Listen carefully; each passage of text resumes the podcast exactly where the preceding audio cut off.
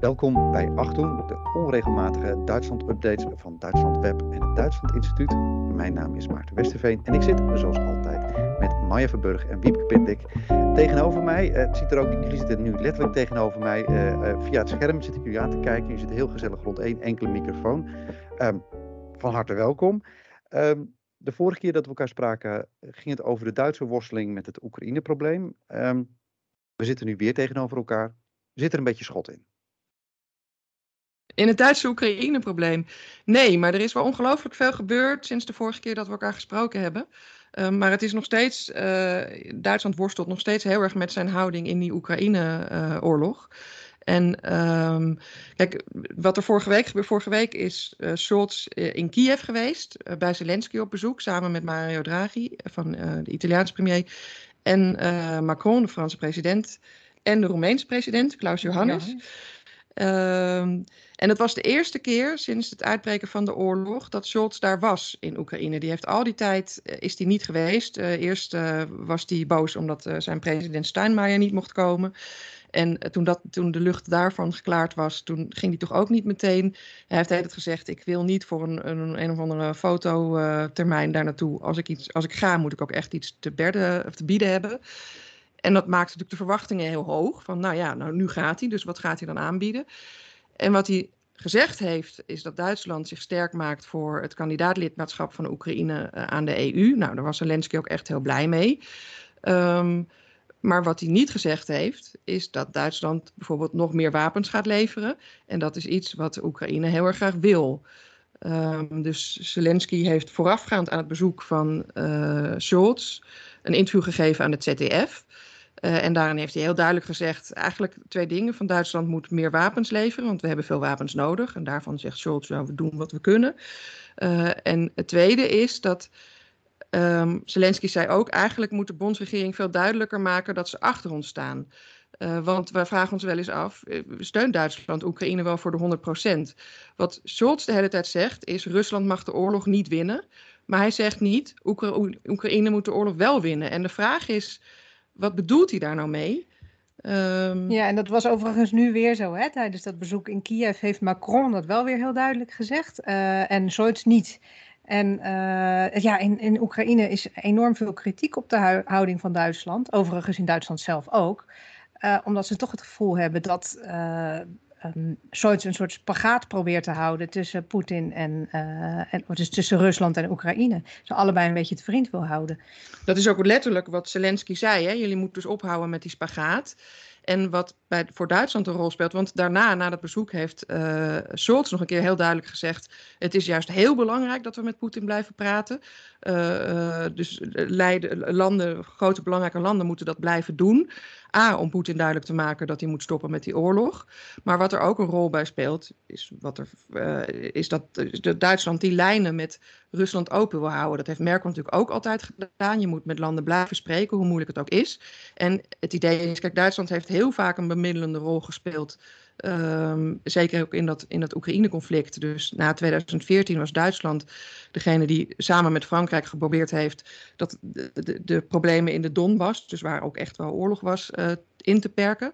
En dus Duitsland ziet zichzelf als een land dat daar uh, ja, een belangrijke bemiddelde rol in heeft gespeeld en waarschijnlijk ook in wil blijven spelen. Dus Scholz, als er straks eventueel wapenstilstand komt of er moet onderhandeld worden, is de kans groot dat Scholz daar in ieder geval ruimte voor wil hebben.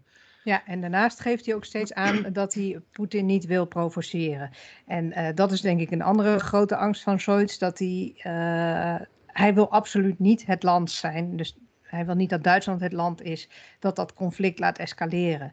En daarom is hij steeds heel terughoudend en wacht hij ook vooral op wat andere. Hij zegt ook steeds uh, dat hij alleen maar opereert samen met NAVO-partners of EU-partners. Nou ja, ze zijn ook gezamenlijk daar naartoe gereisd hij manoeuvreert heel voorzichtig. En juist dat voorzichtige is natuurlijk in deze situatie. Nou ja, van de Oekraïners is het begrijpelijk dat die wel wat, een wat sterkere commitment vragen. Het feestje is wel voorbij. Eerst was het de schrik. En daarna bleek, nou, bleek die invasie toch niet zo, zo vlot te lopen als de Russen hadden gehoopt. er waren, werden zelfs successen behaald. Maar tegelijkertijd voel je nu wel dat, ja, dat, dat, dat, dat, dat je voelt dat, dat ja, Rusland nou gaat ja. misschien niet winnen. Maar verliezen is ook iets anders. Dus is het probleem niet dat, uh, dat, dat Scholz misschien bang is om iets, iets, uh, zich te committeren aan een uitkomst waarvan hij misschien ten diepste voelt dat hij niet te behalen valt. Namelijk die Russen helemaal weg uit de Krim, uit de Donbass. En dat hij zelf al denkt van ja, waarschijnlijk gaan, gaan dat de, de stukken zijn waar we een vrede, vrede mee gaan veronderhandelen. Dus waarom ga ik iets beloven waar ik straks niet aan kan voldoen? Zeker, en, maar daarover zegt Scholz vooral dat dat aan Oekraïne zelf is wat winnen dan eigenlijk betekent.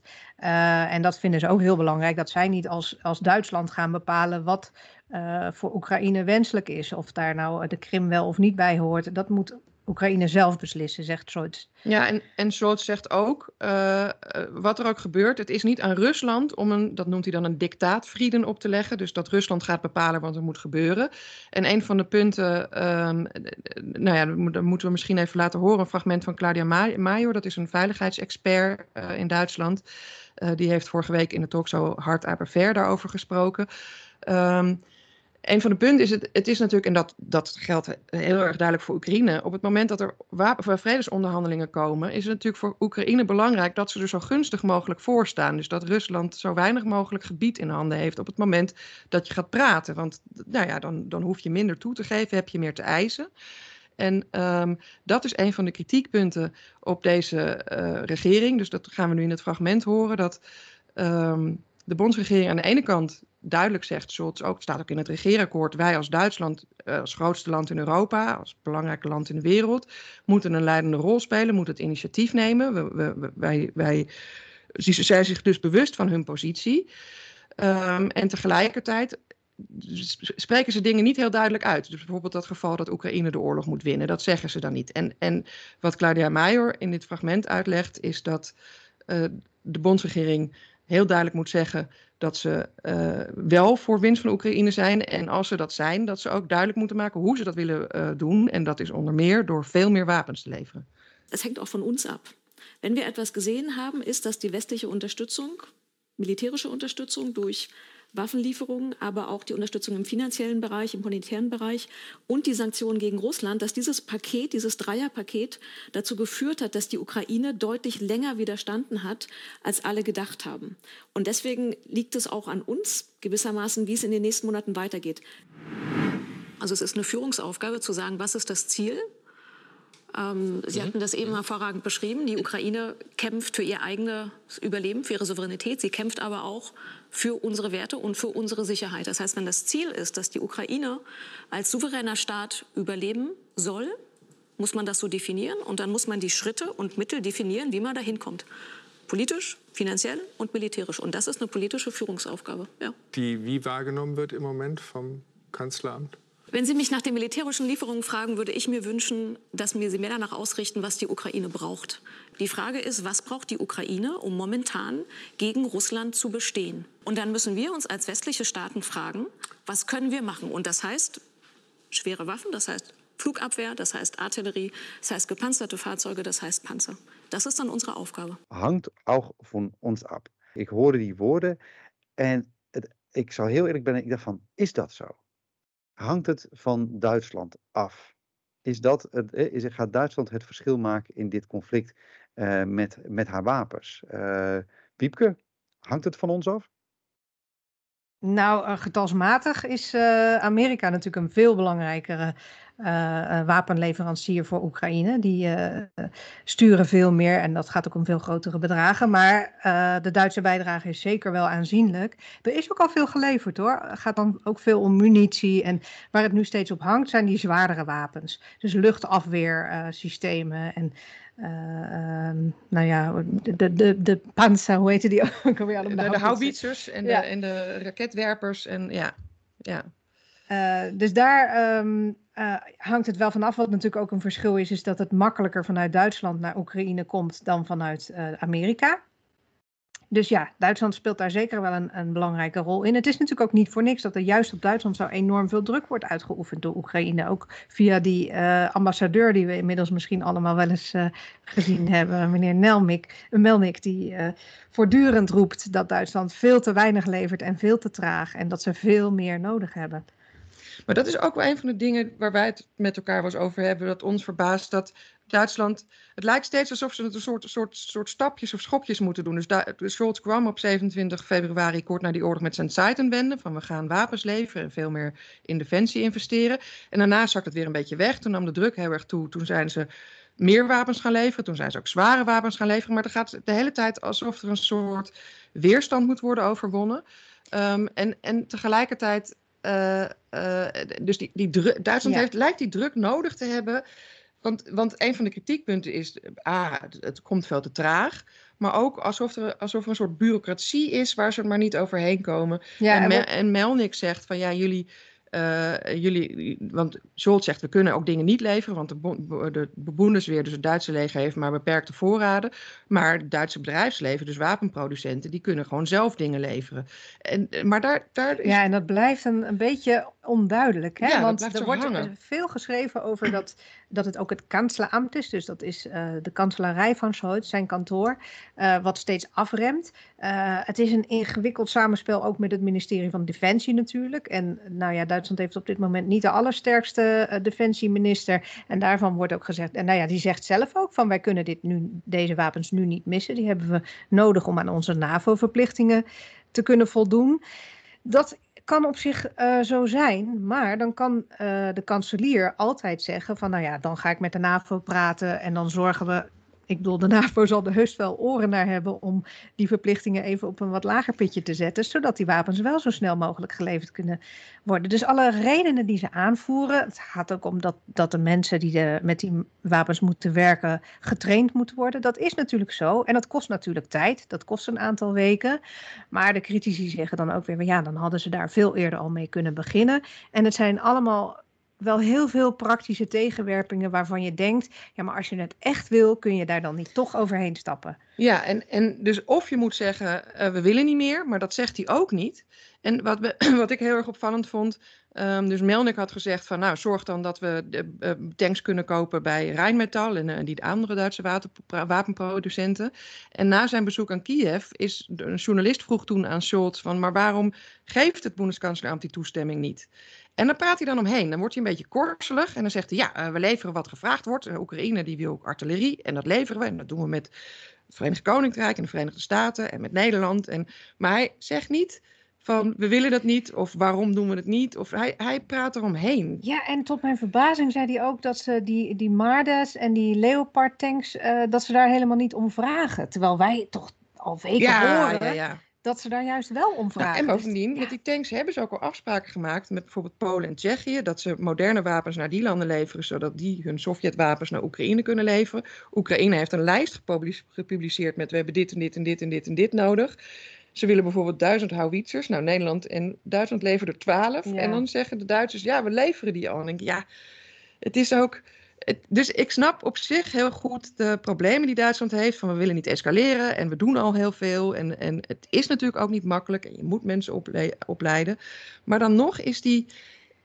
Is er een soort onwil, lijkt er wel. Het is natuurlijk wel zo dat we niet alles weten. Duitsland geeft geen openheid over wat ze leveren. En soms eh, zijn er staatjes worden gepubliceerd van wat er al geleverd is. En dan is het wel echt wel veel. Dus dat is één, we weten niet alles. En in, in zo'n oorlogssituatie is het natuurlijk ook zo dat alle uh, kampen uh, verwarring creëren. Dus dat, dat er ook een hoop. Ja, we weten ook niet alles, wil ik maar zeggen. Misschien is het plaatje wat rooskleuriger dan nu is. Maar er lijkt hoe dan ook een soort discrepantie te zijn tussen hè, wat, wat gevraagd wordt, wat aangeboden zou kunnen worden.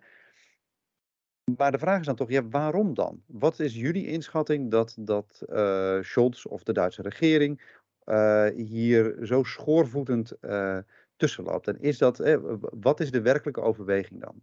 Nou ja, de, de werkelijke overweging is moeilijk te zeggen, maar een van de dingen die een rol speelt, het is voor Duitsland überhaupt een enorme stap dat ze wapens leveren. Uh, dat, heeft, dat zegt Scholz ook regelmatig, van jullie moeten ook wel begrijpen waar wij vandaan komen. Duitsland is al die tijd het adagium geweest, nie wieder. Dus na de nazi-verschrikkingen, na de Tweede Wereldoorlog, Duitsland wil geen wapens leveren, Duitsland wil niet aan oorlog bijdragen, Duitsland heeft al die tijd. En nu moeten ze opeens, omdat ze in een situatie zijn gekomen dat ze hebben zich eigenlijk nooit kunnen voorstellen dat een land zo, zoals Rusland dan een ander land aanvalt, eh, waardoor ze, uh, waardoor ze op een gegeven moment zelf ook nog uh, gevaar lopen. Of dat Rusland misschien op een gegeven moment de Baltische Staten of Polen nog. Dus Duitsland moet nu iets doen en dat, dat kost heel erg veel moeite. Je ziet dat ook in peilingen of in discussies in de, op de opiniepagina's van Duitse intellectuelen. Of de, maar ook in peilingen dat, dat ongeveer de helft van de Duitsers ook heel terughoudend is. Want we moeten niet meer wapens leveren en we moeten heel voorzichtig zijn en we moeten Rusland niet provoceren. En de andere helft roept, wat bijvoorbeeld ook Claudia Meijer zei, nee, we moeten juist wel. Je moet ervoor zorgen dat je met die wapenleveranties Rusland terug in zijn hok duwt. Ja, en, en dat, dan is uh, uh, Scholz ook nog eens een kanselier van een partij, de SPD, die daar intern nog het meest verdeeld van, nou ja, meest misschien niet, maar van de regeringspartijen zeker wel, de meest verdeeld is uh, over deze kwestie. Omdat de SPD ook een lange geschiedenis heeft van goede banden met Rusland en uh, maar moeilijk daarvan loskomt. De vraag is dan, ja, kan je dan opeens ook je zomaar transformeren? Ook? Is die capaciteit er? Ik bedoel, je kan niet opeens een land dat al die tijd zich op het ene heeft ingesteld, op vrede en handel, kan je, daar, daar kan je niet opeens een Sparta van maken uh, van de een op de andere ja, maar, dag. Maar dat is dus ook wat we nu zien. Nou ja, ja, en het is ook een proces wat al jaren gaande is. Hè? Want uh, Duitsland heeft jaren geleden al aangekondigd dat ze vinden dat ze meer een leidende rol moeten pakken in de internationale politiek. Dus het is uh, een langzaam proces, maar je ziet, en dat maakt dit conflict ook ontzettend interessant, vind ik. Je ziet dat er allerlei oude ressentimenten ook weer boven komen. Hè? Ook in Oost-Europa ten opzichte van Duitsland. In Oekraïne niet te vergeten ten opzichte van Duitsland. Uh, wat Scholz al eerder heeft aangegeven is dat hij uh, ook niet voor verantwoordelijk wil zijn dat er Duitse wapens op Russisch grondgebied worden ingezet. En dat, dat speelt dus ook een rol met het leveren van die uh, lange afstandsraketten bijvoorbeeld. Want ja, die kunnen ook naar Rusland afgeschoten worden. En dat zijn dan toch uh, made in Germany raketten. Dus daar, ja, daar is Scholz ook heel bang voor. En dat het dan alsnog escaleert, uh, ja, precies. Ja, en, nou ja, en ook de, de, symboliek daarvan. Ik denk dat hij daar ook wel uh, sterk door beïnvloed wordt. Gaat dit nou opgelost worden? Gaat die tegenstrijdigheid opgelost worden, denken jullie? Of blijft het toch, want het komt natuurlijk Duitsland in allerlei opzichten misschien ook niet zo slecht uit. Als we heel, deze spagaat is natuurlijk, nou ja, je committeert, je, het, het, uh, de, die, die wapens leveren ook wat op. Uh, je committeert je niet volledig. Dat is niet een noodzakelijkerwijs alleen maar negatieve positie om in te zijn, toch? Nee, maar er wordt wel op gewezen dat Duitsland op het moment wel enorm veel schade uh, leidt in de internationale reputatie. Er wordt uh, in het buitenland. Nou ja, er zijn ook wel mensen die er lovend over zijn, zeker over die tijdinwenden van Duitsland. Dus de, de ommekeer die ze hebben gemaakt naar toch meer bewapening. Maar er is ook ontzettend veel kritiek en daar is Duitsland altijd heel gevoelig voor. Uh, en ook in Duitsland zelf. Ik bedoel, de Frankfurter Allgemeine Zeitung schreef eind mei... Scholz ruïneert het aanzien van de Duitse politiek. En dat is de FAZ, het is natuurlijk een wat conservatievere kant, echt niet alleen. En kijk, Duitsland moet wel die leidende positie op zich nemen. En daarvan is Scholz zich ook bewust. Als straks Biden weg is in de VS en er komt weer een, een Trump-achtig iemand... of misschien Trump zelf dan, Duitsland en Europa moeten in staat zijn om het dan eventueel alleen aan te gaan pakken als die steun van de VS wegvalt. Dat is hartstikke moeilijk, uh, ook economisch en qua geld. En, maar daar zijn ze zich heel erg van bewust. En een van de dingen die Scholz, uh, wat was het, een paar weken geleden is hij naar de westelijke Balkan gegaan. Om, want die landen willen ook, daar zijn ook een aantal landen, Noord-Macedonië, Albanië, die willen toetreden tot de Europese Unie. Dat ligt al heel lang stil. Scholz wil zich daarvoor inzetten, ook met het idee van de, de, Russische invloed in de regio. We moeten ervoor zorgen dat die landen bij ons komen. Dus er is meer. Hij is zich er wel degelijk van bewust dat Duitsland daar een, een initiator moet zijn en, en een belangrijke rol in speelt. En in de Oekraïne-oorlog komt hij er uiteindelijk ook niet omheen. Het gaat alleen steeds in ja, langzame stapjes of schokjes uh, dat hij daar naartoe werkt. Ja, en dan noemde je ook nog uh, of het financieel niet ook interessant is, omdat Duitsland inderdaad een hele grote wapenindustrie heeft. En dat is natuurlijk zo, die, die wapenindustrie die uh, wrijven in hun handen. Die zijn hier de, nou ja, lachende derde kan je zo niet zeggen, maar die profiteren daarvan. Maar de, Duitsland als land kost het vooral heel veel geld. nou ja, de 100 miljard die ze nu voor hun defensie moeten uittrekken ja, dat gaat toch ten koste uh, van andere uitgaven. Maar ik heb toch wel de indruk dat als Duitsland iets met geld op kan lossen, dat ze dat het allerliefste doen. Dat ze er een hele hoop geld tegenaan smijten als ze dan misschien maar geen wapens hoeven leveren. Of als ze dan misschien maar niet. Ja. Uh, dus ze, ze zit op allerlei manieren in een hele moeilijke positie. Want ze moeten de lijnen, vinden ze zelf, met andere landen, onder andere Rusland, openhouden. Ze moeten ook zorgen dat Oekraïne er zo goed mogelijk uitkomt. ze moeten tegelijkertijd niet Poetin provoceren. Ze willen geen Alleingangen, wordt dat dan genoemd. Nou ja, al die dingen die we eerder ook al noemen. Dat kost gewoon tijd en moeite ook om. Je, je moet je eigen bevolking ook nog eens meenemen. En die is dus ook heel erg verdeeld nou ja, om dat, om dat op de een of andere manier voor elkaar te krijgen. En, Overigens doet Duitsland op andere gebieden uh, die het land misschien wat beter past, zoals uh, op humanitair gebied doet Duitsland wel heel veel in Oekraïne. Uh, er worden patiënten naar Duitsland overgebracht. Ze ondersteunen daar ziekenhuizen, ze sturen er heel veel humanitaire hulp naartoe. Dus, en ze vangen heel veel Oekraïners op in Duitsland. Ja. ja. En, en nee, ik ben even kwijt wat ik wilde zeggen. Sorry. Ja. dat geeft niet, want dan kunnen we meteen door naar uh, uh, Scholz' voorganger. Want ik denk dat het tot 2030 duurt voordat wij eindelijk een keertje de naam niet meer in de mond hoeven te nemen. Maar we ontkomen er niet aan, want vorige keer spraken we al over haar, Merkel. Ehm, en dat ze, ze, dat ze mond stijf dicht hield, niks gezegd, geen commentaar. Dat is nu veranderd. Merkel heeft gesproken. Wat heeft ze gezegd? Meerdere keren zelfs. Ja, ze heeft bewust, wilde ze heel lang niks zeggen, want ze, ze had ze ook aangekondigd. Hè? Ik ben kanselier af, ik moet eerst even bijkomen en ik wil ook niet mijn opvolgers voor de voeten lopen. Um, maar ze heeft twee interviews gegeven, waaronder één langer, grotere. Dat is ook met de bedoeling dat ze zich weer in het openbaar kan tonen, want iedereen wil natuurlijk weten wat ze er... Nou ja, nou ja, voordat ze weer aan debatten mee kan eh, de, uh, deelnemen, moet ze natuurlijk wel gezegd hebben uh, wat haar positie is. En wat ik opvallend vond, Um, we laten daar dus ook zo een fragment van horen. Ze is een uur lang geïnterviewd op een podium, maar dat kon je dan live volgen. Het eh, heeft, zat heel Duitsland bovenop. En zij zegt zelf heel duidelijk: Ik heb alles geprobeerd wat ik kon via, diploma, uh, via diplomatie. Dus zij heeft met die Minsk-akkoorden, dus na de, de annexatie van de Krim. Um, heeft zij geprobeerd samen met Frankrijk om, om dat conflict in de Donbass zoveel mogelijk in te perken. Zij was destijds tegen toetreding, dat was een speelde in 2008, tegen toetreding van Oekraïne tot de NAVO, maar daar staat ze nog steeds achter.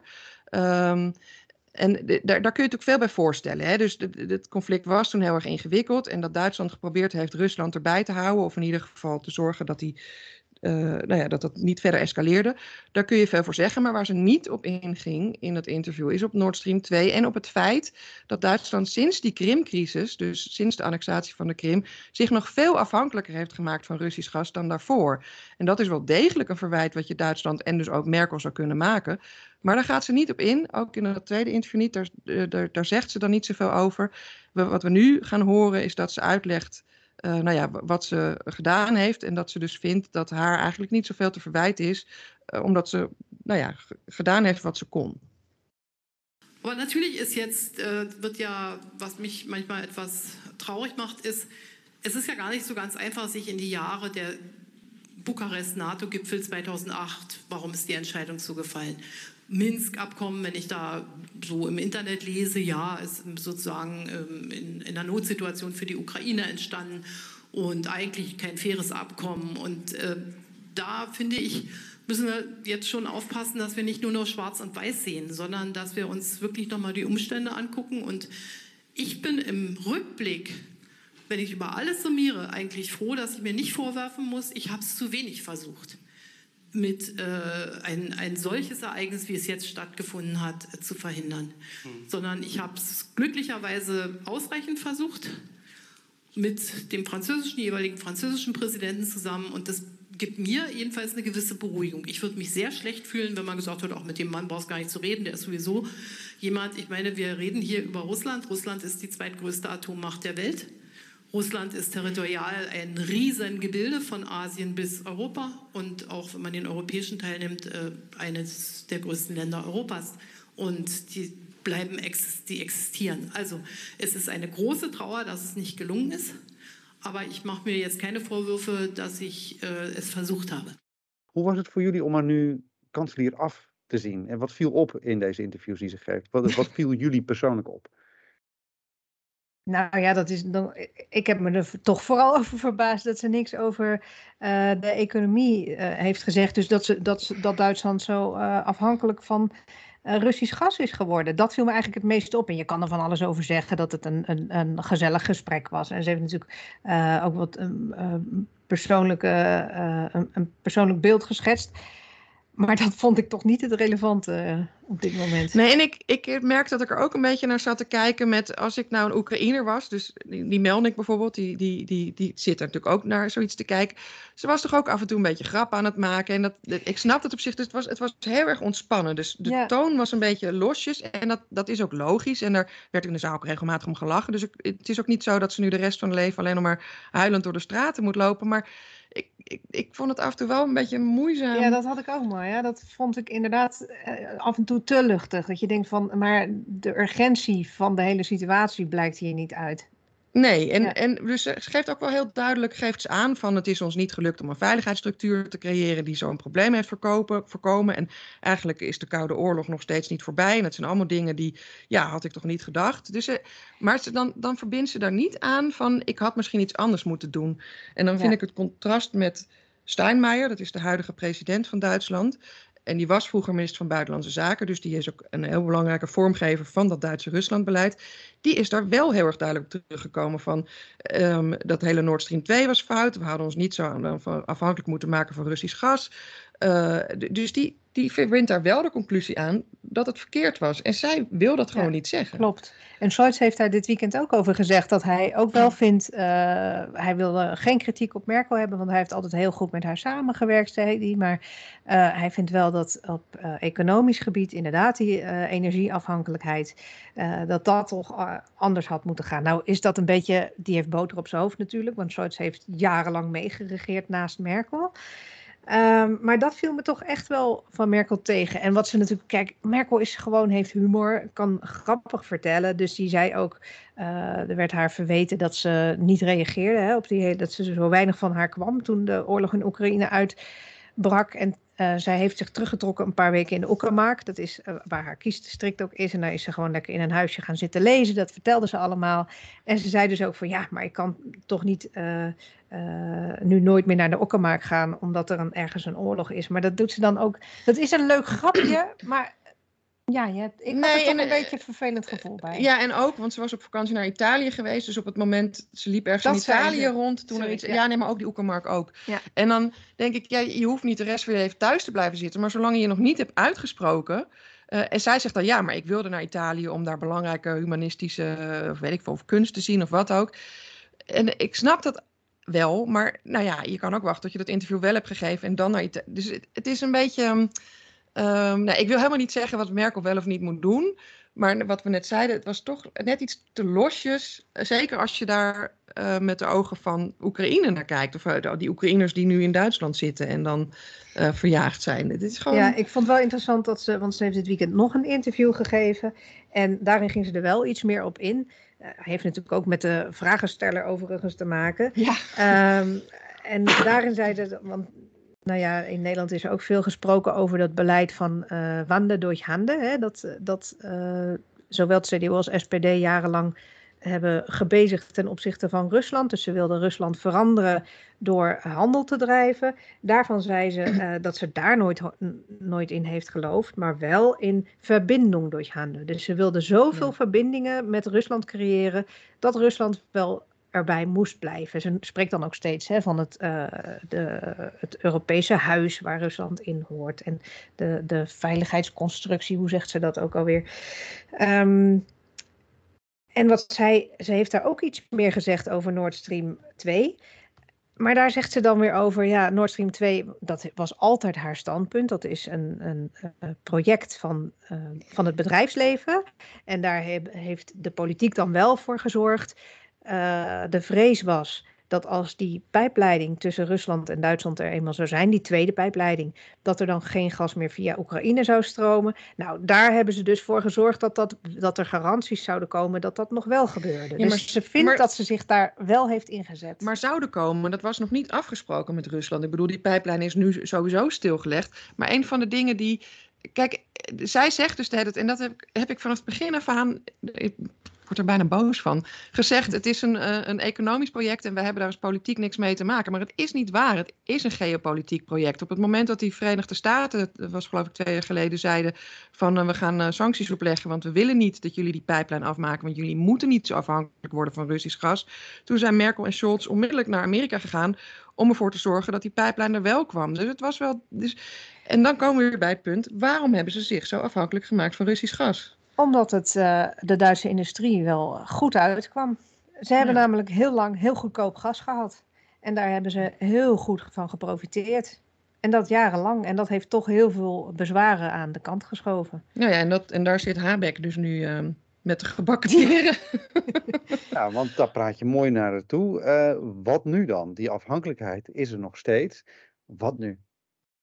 Nou, Habeck heeft dit weekend al gesproken over dat hij eigenlijk aan het armpje drukken is met eh, Poetin. En Poetin heeft de langere arm, zei hij daarover. En hij probeert nu dus eh, om wat kracht in zijn arm extra te krijgen door, door de gasreserves flink te vullen. Want Poetin heeft al de gaskraan dichtgedraaid. Dus je hebt de, de Nord Stream 2-leiding, die is nu eh, stilgelegd, dat project. Nord Stream 1, daar stroomt al jaren gas door naar Duitsland. Die Nord Stream 1 heeft uh, Poetin nu voor een deel dichtgedraaid. Er komt nog maar 40% van het gas in Duitsland aan. Nou ja, dat merken we allemaal. Hè? Ook in Frankrijk en ook in Nederland uh, ondervinden we daar de gevolgen van. En in Duitsland is daar nu echt wel crisisstemming over. Ik zag de, de baas van de Bundesnetzagentuur op televisie. Die echt eigenlijk een soort wanhopig beroep deed. Uh, ook op alle burgers in Duitsland. Om iedere kubieke meter gas die we kunnen besparen. zou mooi meegenomen zijn, zei hij. En uh, ja, dat ja, is echt een probleem. De... En ze gaan er ook wel van uit dat uh, Rusland die kraan helemaal dicht draait. Ja, want het probleem is, en dat is in Nederland natuurlijk ook zo, we moeten de, de gasvoorraden voor de winter vullen. Die zijn nu, wat, wat is het, 40 of 50 procent gevuld. Dat, dat moet nog veel meer worden. En de vraag is, hoe gaan we dat nu doen als we dat gas uit Rusland niet meer hebben? En in Duitsland wordt er nu ook over nagedacht dat er hele vervelende maatregelen moeten worden genomen. Dat misschien bepaalde industriesectoren uh, minder gas gebruiken. Ze willen de ja. kolencentrales nu, of de, de Ja, de dat kolen... is voor Habeck natuurlijk een enorme beslissing. Want Habeck is van de Groenen en de Groenen hebben juist jaren gestreden voor het sluiten van de kolencentrales. En dit weekend heeft hij aangekondigd dat uh, er zijn nog een aantal kolencentrales al uh, uitgeschakeld, maar die zijn als reservecapaciteit. Die heeft hij erop voorbereid dat die binnenkort weer op moeten starten. Om inderdaad toch meer stroom uit kolen te maken dan uit gas. En ze willen dus zo min mogelijk uh, stroom uit gas maken op dit moment. Zodat dat gas naar de reserves kan voor de winter. En daar heeft hij nu een heel plan voor gemaakt. Hij wil een soort gasveiling voor de industrie hebben. Zodat industrieën die minder gas kunnen gebruiken, omdat ze alternatieven hebben of uh, omdat ze bepaalde processen gewoon kunnen stoppen, uh, dat die daar dan ook uh, financieel voordeel bij halen. Dus om ze te stimuleren om minder gas te gebruiken. Nou, die kunnen dan dat gas wat ze niet gebruiken verkopen voor, aan de reserves. Dus hij is met echt in, hele inventieve plannen bezig om de situatie te proberen te redden. Maar, maar, is, maar met echt, wel uh... veel meer uitstoot dus. Wat, wat, dat moet hem echt ja. pijn doen. Want dat gaat... Dat, Zeker. Dat, technisch ja, voor is de klimaatdoelstellingen is het natuurlijk uh, dramatisch. Niet een uh, oplossing voor morgen. Maar staat nucleair eigenlijk ook op het, op het menu? De discussie is weer volop gaande. En er zijn ook partijen die daar wel om roepen.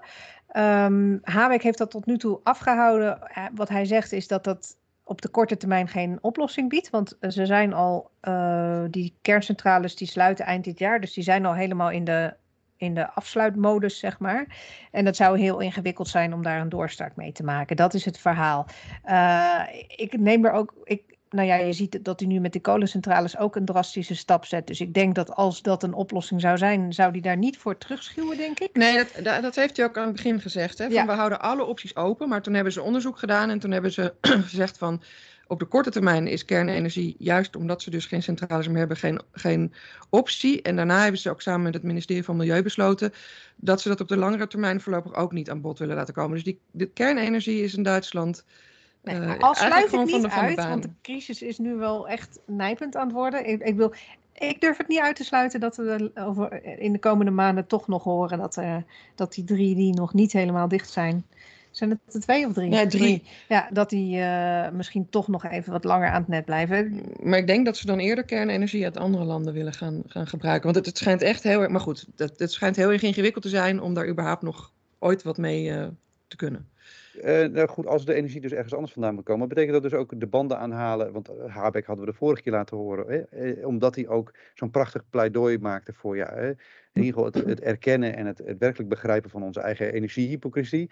Uh, maar als Russisch gas dus niet meer komt, betekent dat dan dat we nou, misschien wel weer wat harder naar het Midden-Oosten kijken? Ik bedoel, is, is, Duitsland ook bezig om misschien met andere Absoluut. niet bijzonder progressieve regimes te praten om daar het energie vandaan te krijgen? Uh, ze reizen zich suf naar het Midden-Oosten op het moment. Want uh, inderdaad, Qatar, uh, Jordanië, waar zijn ze nog meer geweest? Saudi-Arabië. ja, Saudi-Arabië, de Verenigde Arabische Emiraten. Nou ja.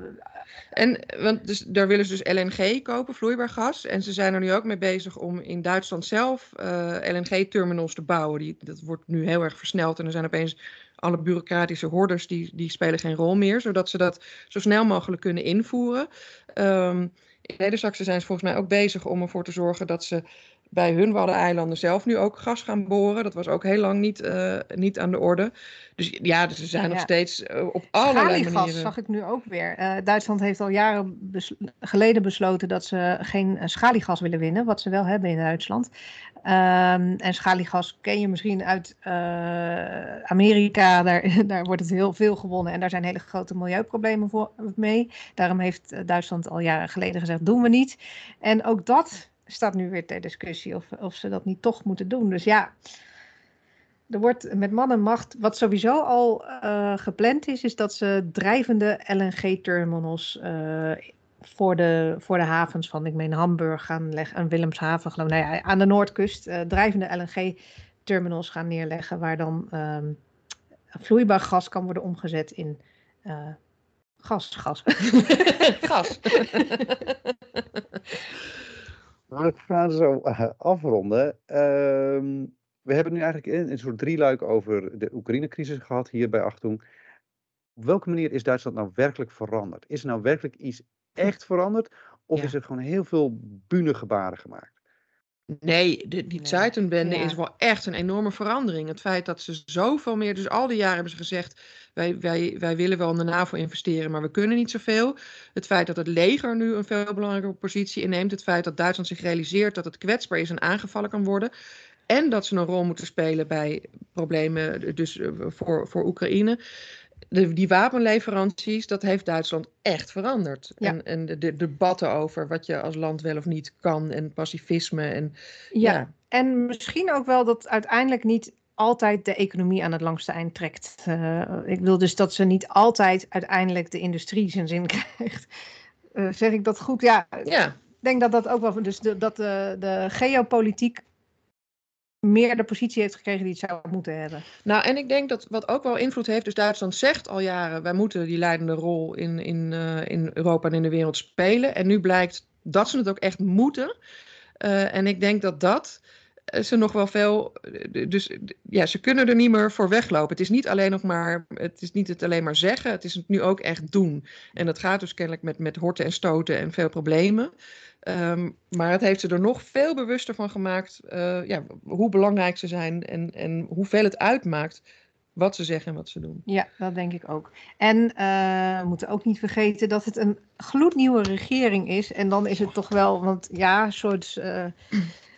Zijn optreden is niet uh, altijd even geslaagd, maar um, ga er maar aan staan als nieuwe regering. Ik bedoel, Merkel zat er al jaren en jaren. Um, nou is Scholz natuurlijk ook uh, niet de nieuw kid on the block. Die heeft ook al wel ruime regeringservaring, maar de andere partijen niet. En ik vind dat ze het, zich nog aardig stand houden. Ja, zeker. En dat is misschien voor een volgende keer dan ook. Ik ben ook wel benieuwd of dat dus uh, een verandering teweeg gaat brengen in het soort politici die Duitsland voortbrengt. Want tijdens deze regering uh, is die rol van Duitsland veranderd. Dus ik ben wel benieuwd of we straks ook ander soort politici zien die dus inspringen op de noden die zo'n veranderende rol gaat, uh, gaat vragen. Ja, maar dat hangt natuurlijk heel erg vanaf hoe, hoe Duitsers gaan kiezen als die bij de volgende verkiezing op de CDU stemmen. En daar hebben we nu Friedrich Merz zitten. Uh, dan heb je weer een heel ander soort iemand. Kijk, wat er, waar Habeck heel erg om geprezen wordt, en overigens ook Baerbock, de minister van Buitenlandse Zaken, is dat ze zo helder communiceren, dat ze duidelijk uitleggen waar het om gaat, dat ze nergens omheen draaien. Scholz die kan nogal eens korselig zijn en, en, en nou, die heeft niet altijd een even goede manier van praten. Maar van die twee, maar dat hangt ook echt met die, van die personen af.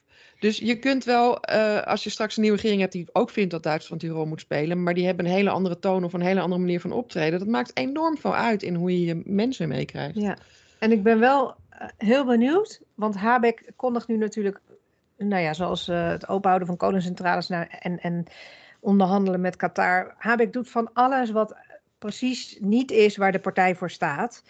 En ik ben wel benieuwd of hij. Uh, of de kiezers dat gaan belonen met, nou ja, hij heeft gewoon gedaan wat op dat moment nodig was. Of dat hij er toch op wordt afgerekend. Ik durf dat. Nou, onder groene kiezers wordt ja, hij wel heel erg goed ja, gewaardeerd. Dat is zo. Uh, sowieso, en ook zelfs bij andere partijen. Ja, Baerbock en Habeck zijn de meest populaire politici, nog steeds. Uh, maar ook dus bij zijn eigen achterban. Ja, maar ook, ik heb ook menig ander politicus in uh, een talkshow zien zeggen dat ze er bewondering voor hebben van hoe Habeck dit doet. Ja, nee, zeker. Maar goed, dat, dat is moeilijk te zeggen. Dat hangt natuurlijk ook van als die oorlog heel erg lang duurt en het wordt allemaal steeds ingewikkelder en we zitten straks allemaal thuis koud te bibberen. Weet ik niet wat we, wat we, of, we, of we ze dan nog zo leuk vinden. Ja, nee, dat is waar. Ik denk dat daar ook wel grote zorg in Duitsland over is. Dat uh, de verwarming het straks niet meer doet. Ja. Piepke, Maya. Tjus. Tjus.